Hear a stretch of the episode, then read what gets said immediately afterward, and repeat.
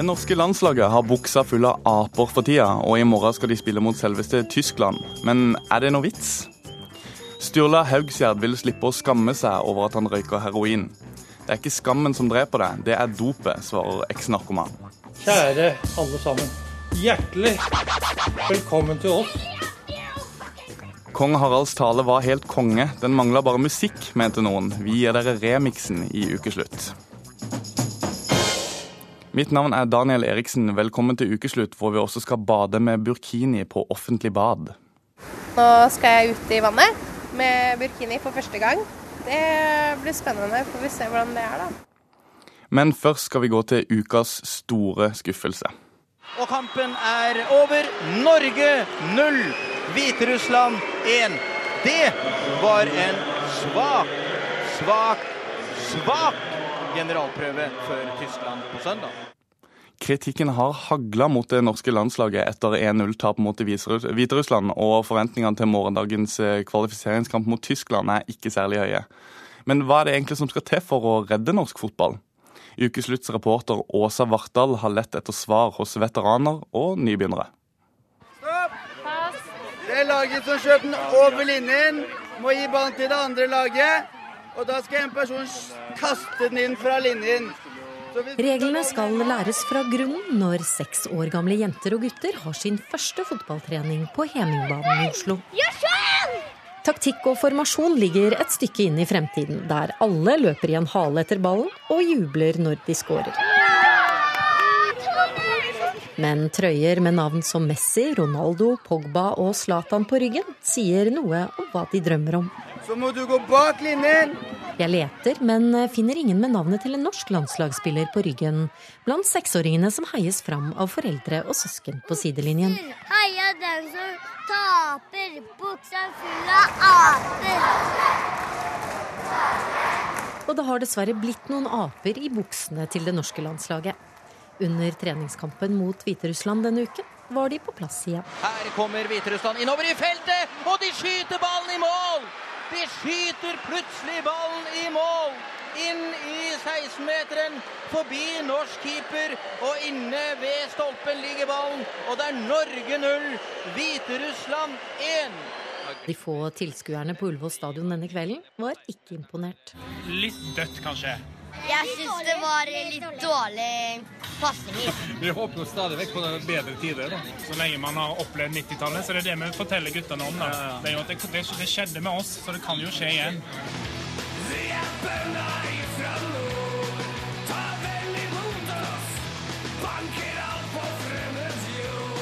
Det var en gang vi var høyt oppe. Kjetil Rekdal går fram. Pulsen er i 410. Og det toppet seg da Norge i rødt, hvitt og blått slo Brasil i VM i 1998. Han er kald som en fisk. Vi har reist oss på plassene våre. Og Kjetil Rekdal fra Han skårer! Norge leder 2-1! Norge leder! Viva la Norvège! Nå er nesten 20 år gammel selvtillit slitt ned til beinet, og Norge har ikke vært i et mesterskap siden EM i 2000. Kom igjen, gutter. I Valhall Arena i Oslo trener 13 år gamle gutter fra Norsk Fotballakademi på bakromsløp. Han står bak i pasningsskygge, og så der er det veldig vanskelig for Thomas å beregne nøyaktig. Trener Thierry Kopp er tidligere proffspiller og var i sin tid med på det franske ungdomslandslaget. Han er ikke imponert over norsk toppfotball. Og Det er det som er ditt problem. Fotball er gått videre. og Jeg, jeg har vært nå her i Norge i ti år, og jeg, jeg mener at det stagnerer kraftig her i Norge. Toget går videre, og så på en måte Norge blir det på perrongen. Han sverger til fransk metodikk og startet Norsk Fotballakademi som et alternativ til det han mener er en mislykket sosialdemokratisk form for talentutvikling. Det trengs en eh, mer, mer tydelig selektering i starten. Og Det er det, er det som er litt problemet i Norge. Man, man alltid tror at når du begynner å, å velge ut spillere som du putter sammen i en gruppe hvor det er spillere som er omtrent på likt nivå, du på en måte overser alle de andre. Men det gjør du ikke. Du bare tilpasser et system som gjør at alle får et tilbud, men et tilpasset tilbud. 13-åringene på banen er sultne og fulle av selvtillit. skal slå dem, vi Men heller ikke her er det landslagsspillerne som er de store forbildene. Liker, eh, jeg liker Zlatan. Eh, Ronaldinho. Manuel Neuer. Men de ser ikke så mørkt på det. De har nemlig tenkt å ordne opp selv når de blir gamle nok til å komme på landslaget. Det er jo en bra eh, utvikling for oss. da. Hvis vi kommer, så har vi mye å, å gjøre i det norske landslaget. og Da kan vi gjøre en forskjell. Du vil helst nå så langt som mulig. De har jo nådd langt, mange av dem, men du vil jo gjerne sikte høyere enn dem. For vi ser nivået de er på nå, er ikke godt nok for å vinne VM. Og hvis vi skal det, må vi bli bedre. Så vi må sikte høyere. De må jo komme først i VM, da. Men det er det vi skal hjelpe til, så det er ikke noe å være redd for. Alt for Norge, for Norge,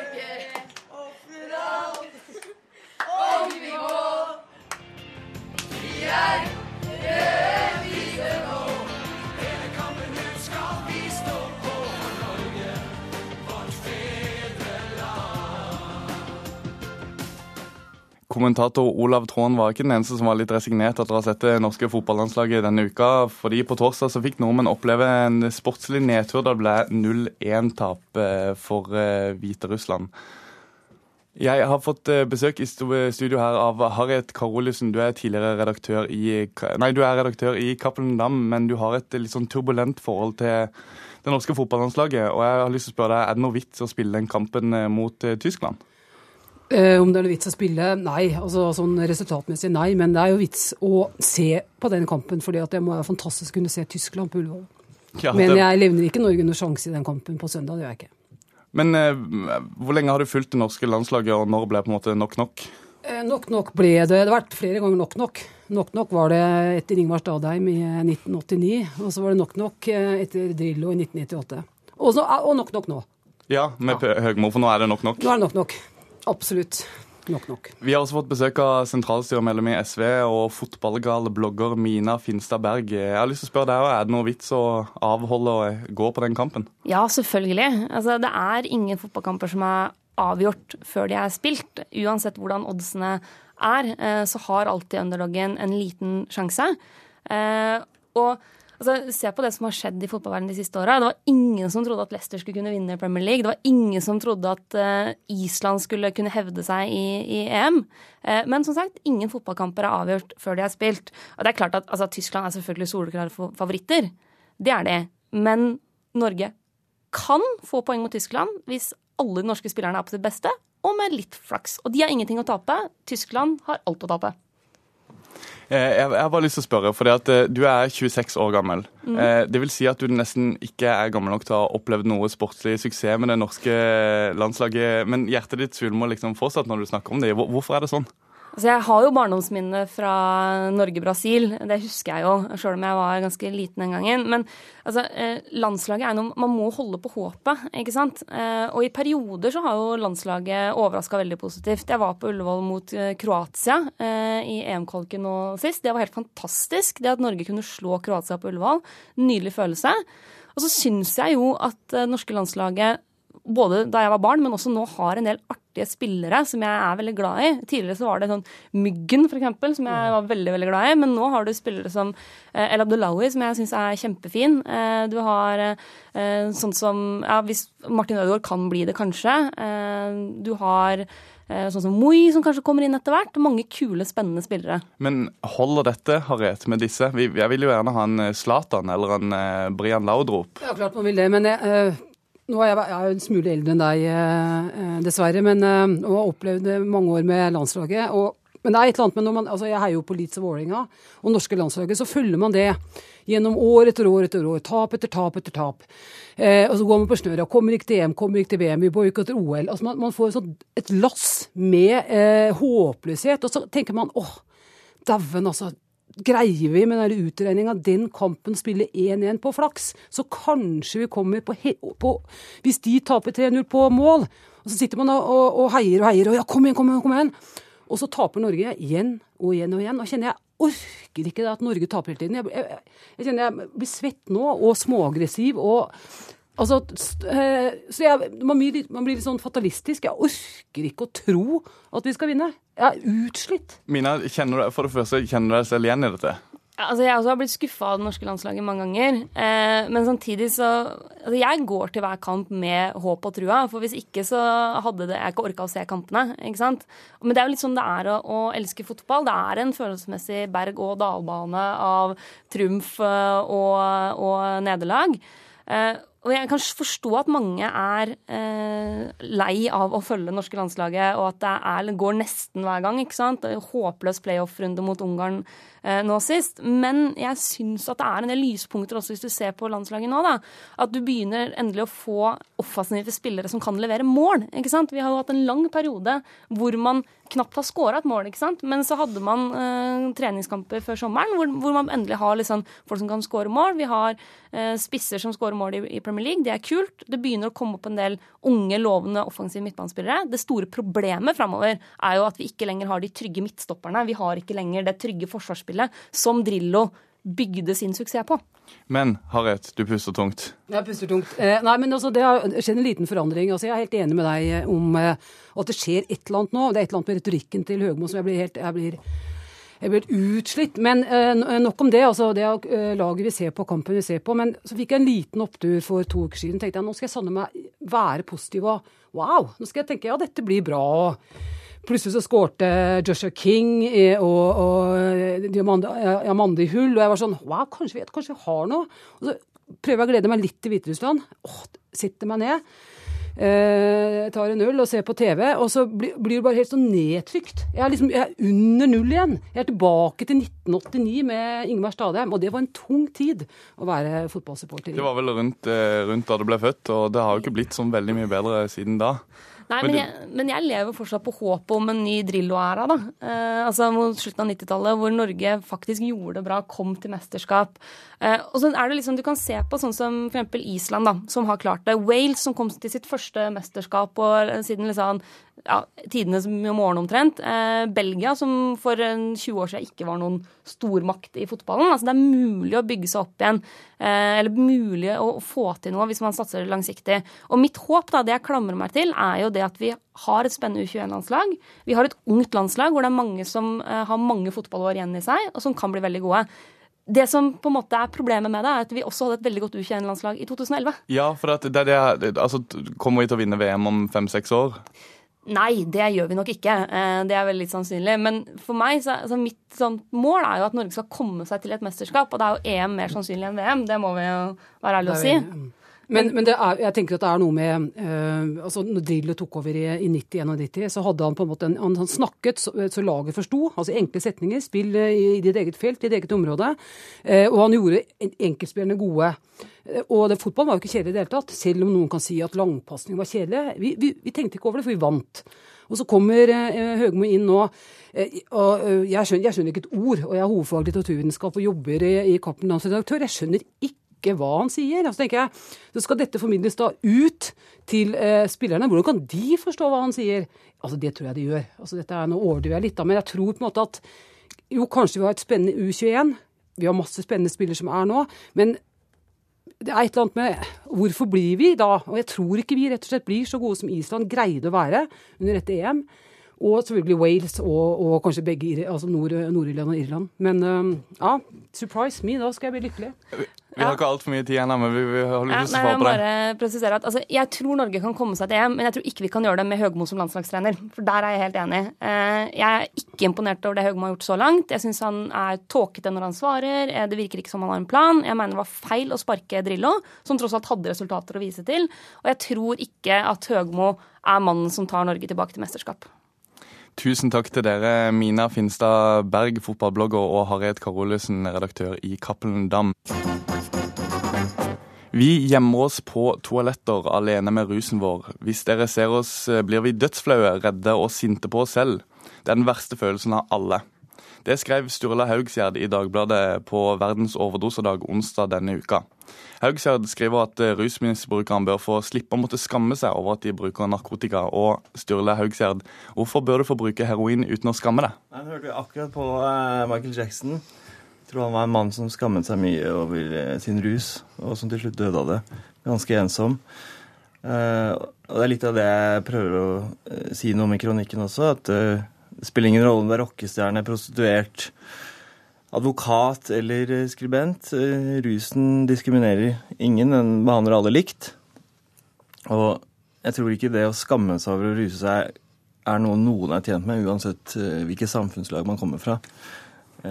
Skam er en følelse som jeg tenker ikke har en veldig god funksjon i rusdebatten.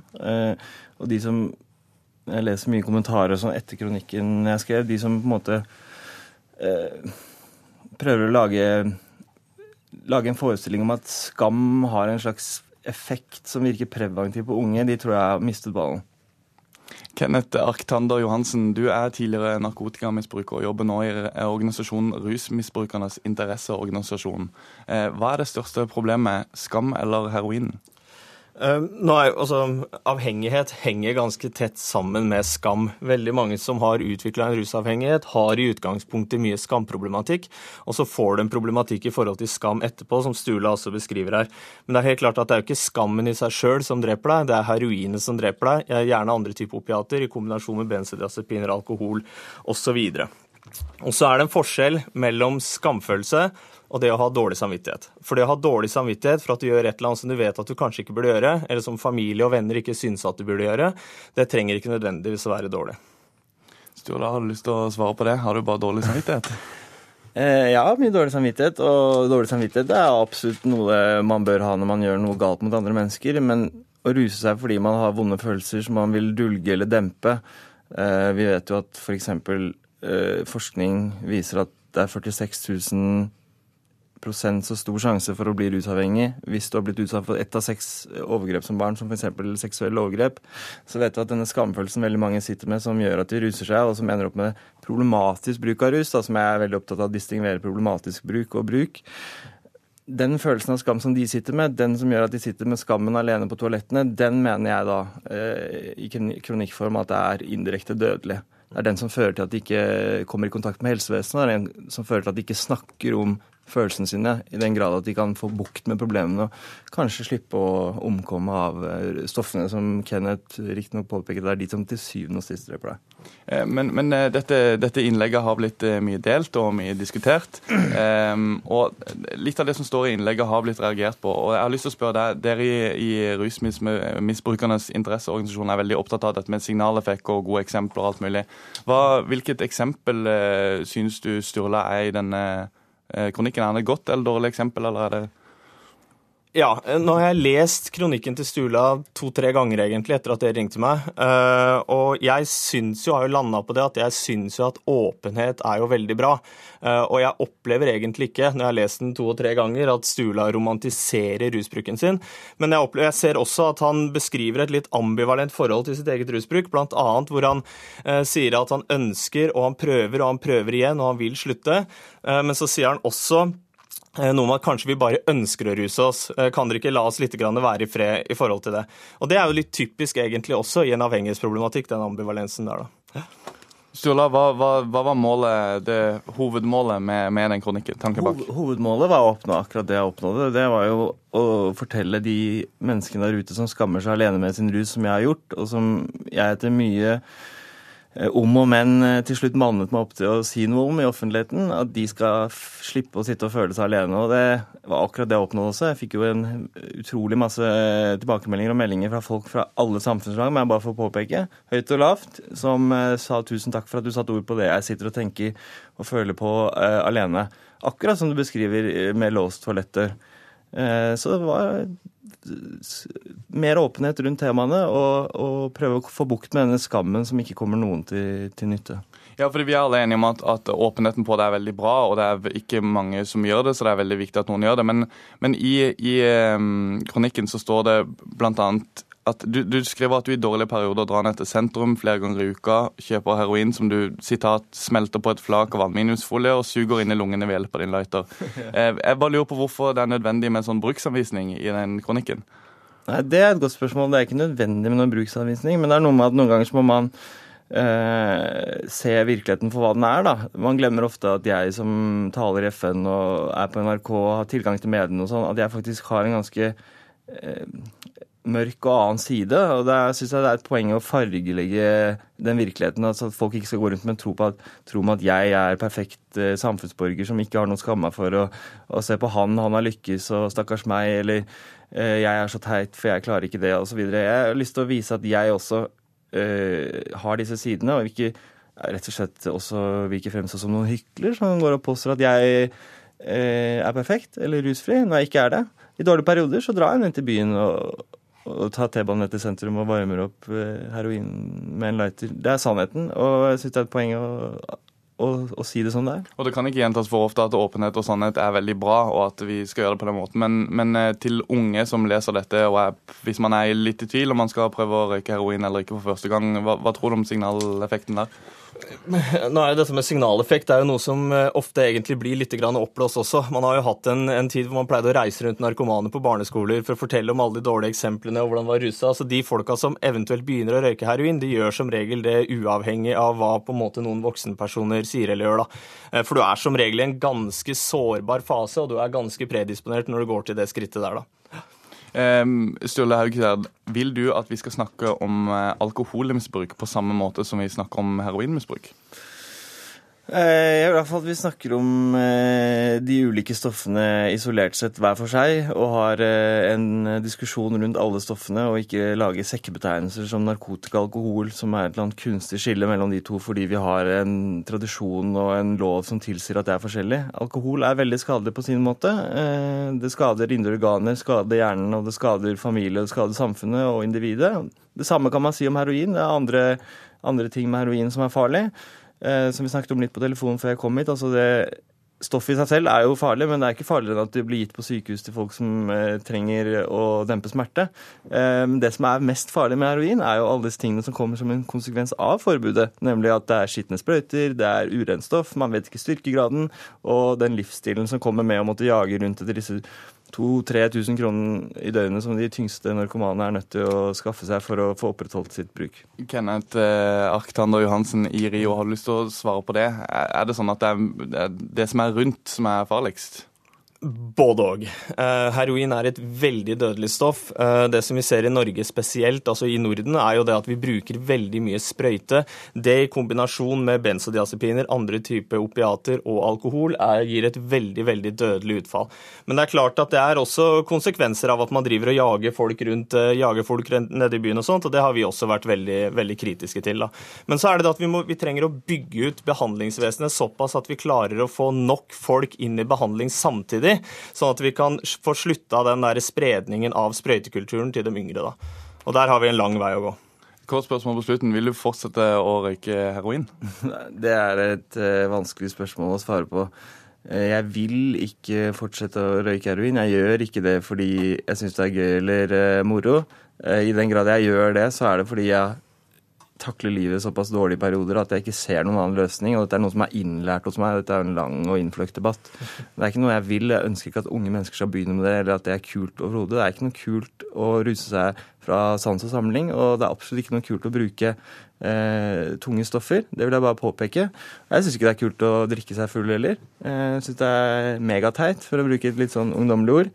Eh, men eh, jeg syns det er viktig at vi nyanserer debatten. og og sier det som det er. Det er en kjensgjerning at veldig mange mennesker bruker illegale stoffer. Og vi kan ikke stikke hodet i sanden og late som de ikke eksisterer. Tusen tusen takk for at du kom, Sturla Haugsjerd, talsperson for brukere og pårørende i foreningen Tryggere ruspolitikk, og Kenneth Arctander Johansen fra Rio. Takk for at dere kom. Nordmenn tror på Gud, Allah, altet og ingenting. Kong Haralds tale på hagefesten i Slottsparken denne uka rørte mange. I talen skildrer kongen mangfold i Norge på en sånn måte at hver og en av de over 5,2 millioner innbyggerne som bor her i landet, kunne føle at de var inkludert. Kjendiser og retorikere var fulle av lovord, og en mente at det eneste som kunne gjort kongens tale enda bedre, var om noen la på musikk. NRKs eminente lyddesigner Helgar Torgvær tok utfordringen. Statsminister. Stortingets visepresident. Høyesterettsjustitiarius. Kjære alle sammen. Hjertelig velkommen til oss. Så hva er egentlig Norge? Norge er høye fjell og dype fjorder. Det er vidder og skjærgård, øyer og holmer. Havet slår mot landet. Norge er midnattssol og mørketid. Det er både varme og kalde somre. Norge er framfor alt mennesker. Snap, snap, grin, grin, wink, wink, nudge, nudge, say. Nordmenn er nordlendinger, trøndere, sørlendinger Dette er kaptein Sabeltann. og folk fra alle andre regioner. Ja, altså Hvis du skal bare lage bråk, så, så kan jeg klare det alene. Nordmenn er også innvandret fra Afghanistan, Pakistan og Polen, Sverige, Somalia og Syria. All of the Earth's monsters have been collected and are living together. Mine besteforeldre innvandret fra Danmark og England. I didn't know what Kamalaza was. Så, det problem, Nordmenn liker fotball og håndball. Fotball er følelser. Følelser er viktig. Mens andre er mest glad i sofaen. Nordmenn er engasjert ungdom og livserfarne gamle. Nordmenn er jenter som er glad i jenter, gutter som er glad i gutter, og jenter og gutter som er glad i hverandre. Det kan ødelegge nattesøvnen, det der. Nordmenn tror på Gud, Frykten for et helvete etter døden. Allah, altet og ingenting. May the force be with you. Nordmenn liker Grieg, Kygo, Men Da kommer til ei krasa for en stein. og Kari Bremnes. Med andre ord, Norge er dere. Norge er oss. Mitt største håp for Norge er at vi skal klare å ta vare på hverandre. At vi skal bygge dette landet videre på tillit, fellesskap og raushet. At vi skal kjenne at vi, på tross av all vår ulikhet, er ett folk. At Norge er ett.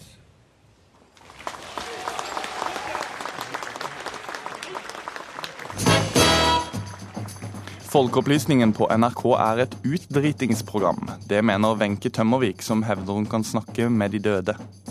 Fransk domstol fastslår at det ikke er lov å forby burkini. Vi kan ikke la jenter drukne fordi foreldrene deres ikke er feminister, sier en norsk svømmelærer. Denne helgen avholdes jødiske kulturdager i hele 35 europeiske land. Norge er selvfølgelig inkludert. I år er det femte gang festivalen arrangeres, denne gang under slagordet 'Språk og kjærlighet'. Og reporter Christian Ingebretsen, du står nå i Oslo sentrum, der deler av arrangementet skal være. Hva er tanken bak de jødiske kulturdagene? Ja, Det er å vise frem ulike former for eh, jødisk liv og kultur fra alle mulige forskjellige verdenshjørner. Og Da mener jeg alt fra teater og film, og ikke minst musikk, som dere hører eh, så vidt i bakgrunnen her. Jeg står og ser på fire staute karer med hatt og noen svære instrumenter, bl.a. en svær kontrabass. Og det er Morten Mikkelsen. Hva er din rolle oppi dette? Du, jeg er produsent eh, for det som vi kaller klesmernatt eh, under eh, jødiske kulturdager som foregår her i Oslo og i Trondheim den helga her. Og, og, klesmer det er en slags musikkstil, ikke sant? Ja, det er betegnelsen på østeuropeisk jødisk folkemusikk. Musikk som har kommet fra Øst-Europa, og som har kommet vestover fra slutten av 1800-tallet og reist helt over til New York. Så Vi skal høre et eksempel på veldig veldig snart. Du, Hvorfor er det viktig å arrangere jødiske kulturdager? Jeg tror det er viktig å vise at eh, jødisk, eh, kult, altså at jødisk kultur og tradisjon eh, spenner så mye annet enn den konflikten som man gjerne ofte forbinder med, med det jødiske, da, eller med jøder. Og dermed så har Jødisk museum eh, valgt å lage kulturfestival der de setter fokus på både film, teater, eh, språk og ikke minst musikk. Og da skal vi høre et eksempel på det. Are you ready, guys?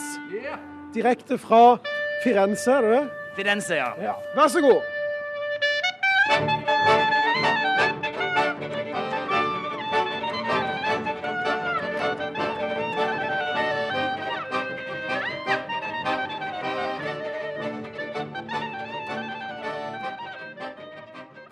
Denne uken eh, opphevet en fransk domstol forbudet mot burkini, den heldekkende drakten som enkelte muslimske kvinner bruker når de bader. Rundt 30 franske byer har i sommer innført forbud mot burkini på sine strender. Men forbudet er altså i strid med loven, har fransk domstol bestemt. Reporter Camilla Skarra møtte en muslimsk kvinne som for første gang entrer en norsk svømmehall iført burkini. Nå skal jeg ut i vannet med burkini for første gang. Det blir spennende. Får vi se hvordan det er, da. Rabia Musawi slipper seg forsiktig ned i bassenget på Furuset i Oslo. Klorlukten henger tung i den fuktige luften. Menn og kvinner svømmer rolig frem og tilbake. Før kunne ikke Rabia bade med menn til stede, men nå kan hun det fordi hun har fått seg en burkini. Det føles helt ut som en helt vanlig badedrakt. Jeg skulle trodd at det føltes som jeg hadde på meg mer klær. At klærne skulle blitt litt tyngre på, men det er det ikke. Det føles helt vanlig. Med hijab på hodet, i en kjolelignende svart topp og et par løstsittende tights går hun forsiktig rundt i vannet. Jeg lurer på om det ikke hadde holdt med kjolen? Nei, nei. Jeg må jo dekke til beina mine, da. Det, det er jo det vi gjør. Bildene av hvordan en tildekket kvinne på stranden i Nis ble tvunget til å kle av seg av politiet, satte fart i burkinidebatten, også her hjemme. På Bygdø er badesesongen på hell. Solen glitrer likevel i bølgene der de skvulper inn mot stranden. Her er burkini et sjeldent syn, men plagget får overveiende positiv mottagelse. Man kan jo gå med hva man vil på stranden. I svømmehallen, da? Jeg tenker at Man må jo ha liksom hensiktsmessig badetøy. Det må være det eneste kravet, kanskje. Og hvis det går an å bade med bikini, så er det fint. Det er helt greit. Så klart. Alle skal få bade. Det er det viktigste. Det er deilig å bade. Jeg tykker at hver person skal få ha rett til å ha hva de vil. Man skal få bade med hva man vil. Jeg tenker at det er helt greit. Helt innafor. Det er ikke noe galt i det, liksom. Vi går bort her. Utenfor Universitetet i Oslo møter jeg 20 år gamle Faduma Mohammed. Hun har alltid brukt badedrakt. Men vil hun som muslim nå føle at hun må bytte til burkini? Jeg husker at jeg var tøymade med to av lillesøsknene mine. Og da var vi i barnebassenget. Jeg gikk jo med badedrakt, og så var det eh, en gruppe med andre eh, husker ikke, de var jo muslimer siden de gikk med burkini. Og da, om de gjorde det, eller om om jeg liksom følte det selv fordi jeg merket presset. Eh, men at jeg følte at jeg ble liksom på en måte eh, fikk noen blikk og på en måte følte meg så naken i forhold til de. Så jeg, jeg, vil jo si at man på en måte føler et press. Men jeg har jo ikke gjort noe med det. Det er jo ikke sånn at det presset har ført til at jeg har kjøpt en burkini og brukt det, liksom. Føler du deg mindre dydig enn muslimske kvinner i burkini? Det er det første jeg tenker, eh, så klart. Men, men så tenker jeg bare sånn det er jo ikke bare det det handler om. Ehm, det er jo ikke bare et klesplagg som gjør at du lykkes som muslim. Det er jo flere faktorer. Føler du at burkinis burkini blir et tilbakesteg? Det vil jeg ikke si. Altså. Jeg vil si det åpner flere dører enn det lukker. Og en som er opptatt av at dørene må åpnes, er svømmelærer Øyvind Marstein. Han vil ha dem på vidt gap inn i alle landets svømmehaller. Barn fra disse delene av verden kan i langt mindre grad svømme enn det norske barn kan. Og hvis man skal snu denne trenden, så, så, må man rett og slett gjøre det som skal til, og slippe dem inn i, i bassenget. Og hvis det betyr at de må ha på seg en burkini, så greit for meg. Men på veien til dette idealsamfunnet som, som vi ønsker, så kan vi rett og slett ikke holdt på å si, la eh, et, et klesplagg være det som står mellom ferdigheten som kan redde liv, og det, det, det blir misforstått. Da, da, blir det rett og slett sånn at, at vi lar unge jenter drukne fordi foreldrene deres ikke er gode nok feminister. De fleste jeg traff, ønsket altså burkinien velkommen til stranden på Bygdø. Samtidig var det også noen som så problemer ved det heldekkende hodeplagget.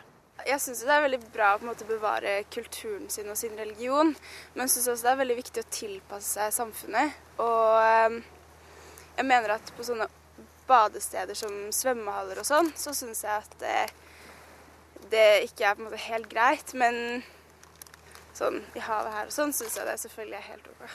Men ville dere følt dere flau eller syntes det var vanskelig å ha på dere bikini hvis dere var på en strand hvor det var veldig mange med burkini? Ja, for jeg tror, hadde, jeg tror jeg hadde tenkt at de hadde sett på meg på en annen måte. Jeg hadde kanskje vært redd for å få blikk, Siden de kan da tenke at vi viser for mye, og vi tenker kanskje de viser for lite. Men man må tilpasse seg hverandre, tenker jeg da. Jeg føler også samtidig at hvis vi skal respektere det og deres religion, så burde de respektere det vi velger å ha på oss. Jeg er skeptisk fordi jeg tror det da blir en del unge jenter som egentlig ønsket å bade slik som norske jenter gjør, og så blir de presset på en burkini som de egentlig ikke ville ha. Nei, Jeg syns det er helt forferdelig.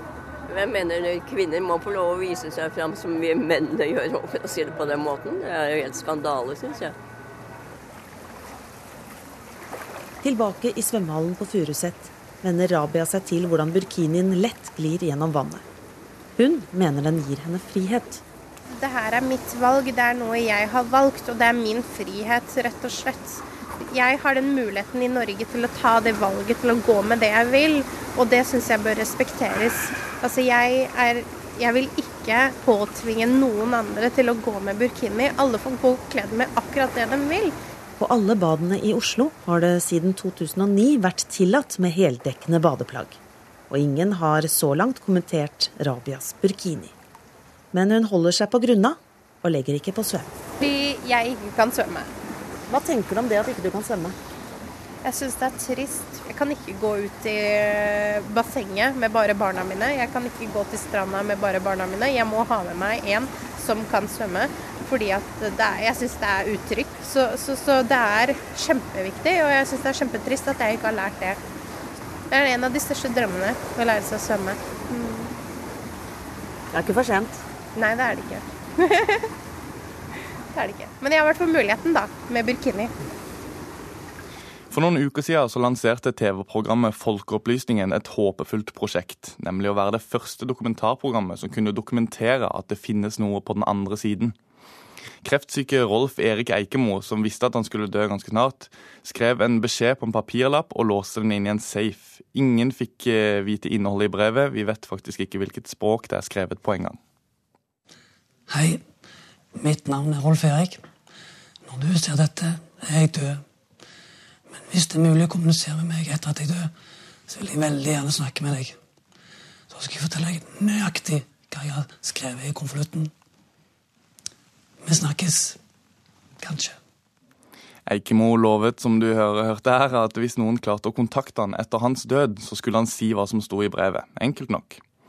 Folkeopplysningen har allerede fått inn tusenvis av forslag, og svaret på om noen har klart det, kommer først i episoden som blir sendt 5.10. Men Wenche Tømmervik, du er healer og medium. Kommer du til å prøve det? Som medium så ønsker jeg å jobbe med de tingene som jeg faktisk jobber med, og ikke noe som noen som ikke skjønner hva vi holder på med, finner på. Eh, hva var problemet med akkurat denne testen i Folkeopplysningen? For det første så har vi jo, eh, slik vi og vår filosofi er, er at vi har kontakt med pårørende, direkte kontakt, hvor de enten kommer til oss eller ringer til oss eller eh, møter oss på disse, disse kveldene som vi har. Eh, og at den kontakten etableres der. Vi har også en annen form for kontakt, og det er den som vi ser på Åndenes makt, hvor de går i hus, hvor det henholdsvis er pårørende som, som forsøker å vise sin tilstedeværelse. Og noen ganger så er det de som på en måte har hatt energien sin fra huset, og dette er jo det som Åndenes makt da jobber for å la folk ta egne valg på. Eh, den siste er når eh, det er søk hvor det er eh, forsvunne personer, så har vi i flere tilfeller vært inne i bildet. Ikke som de som skal løse saken, for det er politiet sin jobb, men som en av brikkene som kan peke ut i en retning hvis det skulle mangle informasjon. Så den, denne testen passer på en måte ikke inn i noen av disse ikke slik jeg jobber. Det er mulig enkelte andre syns det er kult og så bare lyst til å prøve bare for å prøve, og dem har vi jo mange av. Men sånn primært slik som et medium jobber, så er dette helt uh, offline. I Vårt Land denne uka så kaller du dette for uh, utdritings-TV. Hvorfor det? Ja, Det er jo ikke så vanskelig å si. nei, forklar. Um, nei, For det første så har jeg jo sjekket litt hvem det er som har laget disse programmene, og det er jo en gjeng med metallgutter som uh, har gått inn på et hva skal jeg si, det menneskelige aspektet, da, det mellomrelasjonsmessige mellom mennesker. Eh, hvor de synser og prøver. Og de har jo vært invitert til bordet flere ganger. Eh, etter flere år hvor de nektet, så dukket de da opp på, opp på Alternativmessa den ene gangen, og da var Heselberg der, pluss eh, Didrik Sønderom fra tidligere Skepsis og nå i, eh, i Human-Etisk Forbund. Ingen av de er her for å, for å, kunne svare på dette, men ja. Nei, nei, men dette er jo bare fakta. De var der. Jeg har ikke tenkt å utme. Og der sier bl.a. Heselberg uttalelsen han om programmet var at det var satire. Men det er jo ikke det som kommer fram. De blir presentert som om det skulle være forskningsresultater. Andreas Wahl, du er programleder i Folkeopplysningen. Eh, er det et satireprogram? Driter dere ut folk? Eh, nei, det er ikke ment som et eh, satireprogram. Og jeg, kjenner jo Jan Ole såpass godt at jeg tviler på at han har sagt at det er et satireprogram. Det må han i så fall få lov til å komme og, svare for. Vi er et forskningsprogram som lager et Vi lager episoder der det er Vi ser at det er et gap mellom hva forskningen viser, og hva samfunnet, folk, tror.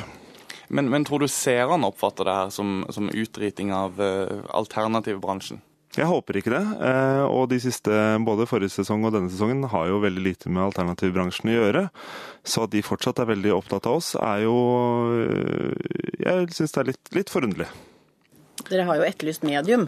Så det er ikke så veldig rart at vi har på en måte plukket opp den etterlysningen? Nei, vi har én episode i denne sesongen eh, hvor vi snakker om eh, livet etter døden. Eh, prøver å se på hva det finnes av um, informasjon og, og forskningsprosjekter knytta rundt om det kommer noe etter det livet vi lever, og hvorvidt det går an å ta kontakt. Og Da har vi invitert eh, en rekke medium som vi har med i programmet. Både kjente folk fra Norge og utlandet som får lov til å jobbe på den måten de foretrekker. Og så syntes vi at det ville være en, skal si for en inkluderende og Eh, fin gest, og ikke minst et veldig spennende prosjekt om vi åpnet opp for at alle som ville, kunne få lov til å være med. Og Da eh, var det enkleste praktisk, istedenfor å invitere alle hjem til de pårørende. Det ville verken de eller vi. Så var det enklest å, å la Rolf Erik da skrive en, en beskjed i en konvolutt. Dette er å snakke meg til munnen, altså. For det er ingen av oss som har vært og kontaktet og spurt hvordan vi, eh, vi jobber i det hele tatt. Jeg kjenner såpass mange medium ute der sånn, så det er sikkert noen som har eh, fulgt oppskriften, men allerede fra den gangen hvor jeg ble invitert første gangen på første, første sendingen, ehm, så var det jo mye snikksnakkerier som gjorde at jeg lukta lunta ganske fort og takket nei til programmet. Så eh, dette her har ligget i kortene ganske lenge. Andreas, hva svarer du til det? Jeg vet ikke hva jeg skal svare på det. det her, jeg kjenner meg ikke igjen. Altså, vi har med eh, såkalte klarsynte eller medium som både vi tre som sitter her, og alle som hører på, har hørt om. Ja, jeg har et spørsmål fordi at bl.a. når det var tatt opp dette med healing Jeg refererer til de tingene jeg jobber med, ergo er det interessante temaer. Um, der var det Ravi som ble invitert til en healer. Uh, han var der i 45 minutter. Når han da ikke var frisk av forkjølelsen når han kom ut, så konkluderte dere med at healing ikke funker. Det var jo en fantastisk forskning. Hva tenker du om det? Da har Wenche eh, misforstått programmet ganske grovt. For vi bedriver ikke forskning i Folkeopplysningen. Vi lager et, et, eh, program som vi håper også skal være underholdende å se på. Og for å vise eh, hvordan eh, forskning har vært gjort, som vi snakker om, istedenfor å holde frem en rapport, så prøver vi å vise et eksempel. Eh, og det å ha med interessante personer er jo en måte å gjøre det på. Men hvor kommer ordet forskning inn? For nå sitter du her og sier at dette er ikke forskning, dette er et underholdningsprogram. Det jeg mener er at når Ravi blir med oss på et TV-opptak, så er det ikke forskning. Er det pga. Ravi, eller er det bare for en enkelt person? For Nei, det, det, blir, det, blir, for dumt uansett hvem det er plassert der. Men Tømmervik, det må være lov å lage TV-underholdning på et vis? ja, men hvis med... presenteres presenterer det som et forskningsresultat, så må jo det være reelt. Jeg okay, trodde her... at... Uh, kan, vi kan jo se for oss eh, at det sitter en, eh, en, redaksjon og skal prøve å formidle det som står i en bunke forskningsrapporter eh, på TV til noen hundre tusen seere. Og Da er ikke det å lese opp fra disse rapportene aktuelt på noe vis. Vi må prøve å vise vi må eksemplifisere. Da prøver vi å lage TV hvor vi inviterer de som jobber med dette og tjener penger på dette, inn for å vise hvordan de jobber. Og de er også positive til å jobbe med en kjendis, for det gir jo litt oppmerksomhet. Eh, og da har vi lagd eh, TV-programmer med, med kjente folk i første episode, som er det du hente fram nå. Men det er, og dessverre så er det jo litt sånn at noen misforstår og tror at de eh, demonstrasjonene eller de, de TV-opptakene vi lager, at det er selve forskningen. Men da, da, har man ikke forstått hva det dreier seg om. Nei, men da er spørsmålet hvor er dere henter forskningen fra? Fordi det finnes mer forskning, bl.a. om healing tatt fra, fra Edinburgh, på det universitetet som er der.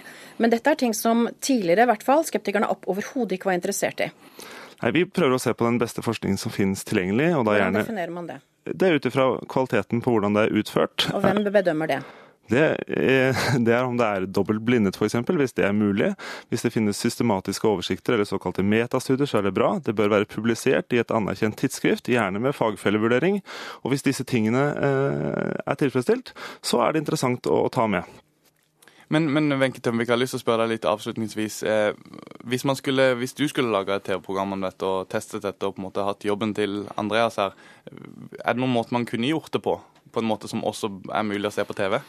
Ja, For det første så ville jeg jo tatt inn folk som skulle holde på med forskning, som ikke hadde et forutinntatt syn på tingene. Altså Disse menneskene her som er med, Hesselberg og disse her, sånn, er jo folk som holder, eh, holder foredrag på, på Skepsiskonferansen. Så jeg vet jo helt klart hvilken retning det er, og de hylles jo inne på Ingen liker å bli lurt-sidene. Så det er ikke noe vanskelig å se hvilket eh, publikum. Bare logg deg inn på skepsis.no, så ser du jo hvem, hvordan dette her hylles, og hvem som hyller, hyller hvem, holdt jeg på å se. Så du ser jo hvor på en måte eh, grunntankegangen stammer ifra. Så for det første, Hvis man skulle gå inn i en sånn setting, så må man jo gå i dialog med hva er det som funker for dere, hvem er det som jobber på hvilke temaer, hvordan kan vi gjøre dette her sånn, hvordan kan vi finne ut et, i en, en, bredde hva dette her er for noe rart, istedenfor å si at nei, nå skal vi gå inn og så skal vi bare bevise at dette ikke finnes. Andreas eh, Wahl, ser du at det er litt problematisk at eh, en gjeng skeptikere skal lage et program om ting som, eh, som, som dette? I redaksjonen så sitter en, en, redaktør, Lasse. Han har skrevet drama før. Og så har vi Jan Ole, som er psykologspesialist. Jeg selv er fysiker. Eh, og jeg har la merke til at eh, skeptikerbevegelsen har trykket dette til sitt bryst. Eh, men jeg har også sett at det er andre deler av samfunnet som syns dette er, er spennende. og interessante program, og så er det eh, noen som er eh, kritiske. Så Men det, du mener ikke det er skeptiker-TV lagd av skeptikere for skeptikere? Å oh, nei, det, det, forstår ikke jeg. Jeg har lyst til å avslutningsvis spørre deg, Andreas Wahl. Vitenskapen har fortalt oss at jorda er flat, og at planetene går i bane rundt jorda osv. Eh, hva om du tar feil? Det hadde vært fantastisk spennende. og Det er jo det jeg aller mest håper på, er jo at det skulle vise seg av, av de tusenvis som har sendt inn nå, så er det en liten gruppe som, som treffer bingo. Jeg, jeg syns det hadde vært fantastisk kult.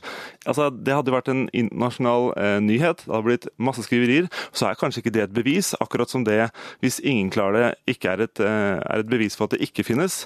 Men det ville vært et veldig tydelig signal da, som gjør at andre land også ville gjenskape dette og prøve og, og dermed finne ut at dette, dette, dette, går jo, dette er mulig. Sånn som mange sier at de kan lese ting på avstand bare ved å få et navn eller få et bilde. Tusen takk til deg, Andreas Wahl, programleder i Folkeopplysningen, og Wenche Tømmervik, healer og medium. Yes, Det var alt vi hadde i Ukeslutt i dag. Ansvarlig for sendingen var Kari Li. Teknisk ansvarlig var jeg hadde Eli Kirkebø, og jeg heter Daniel Eriksen.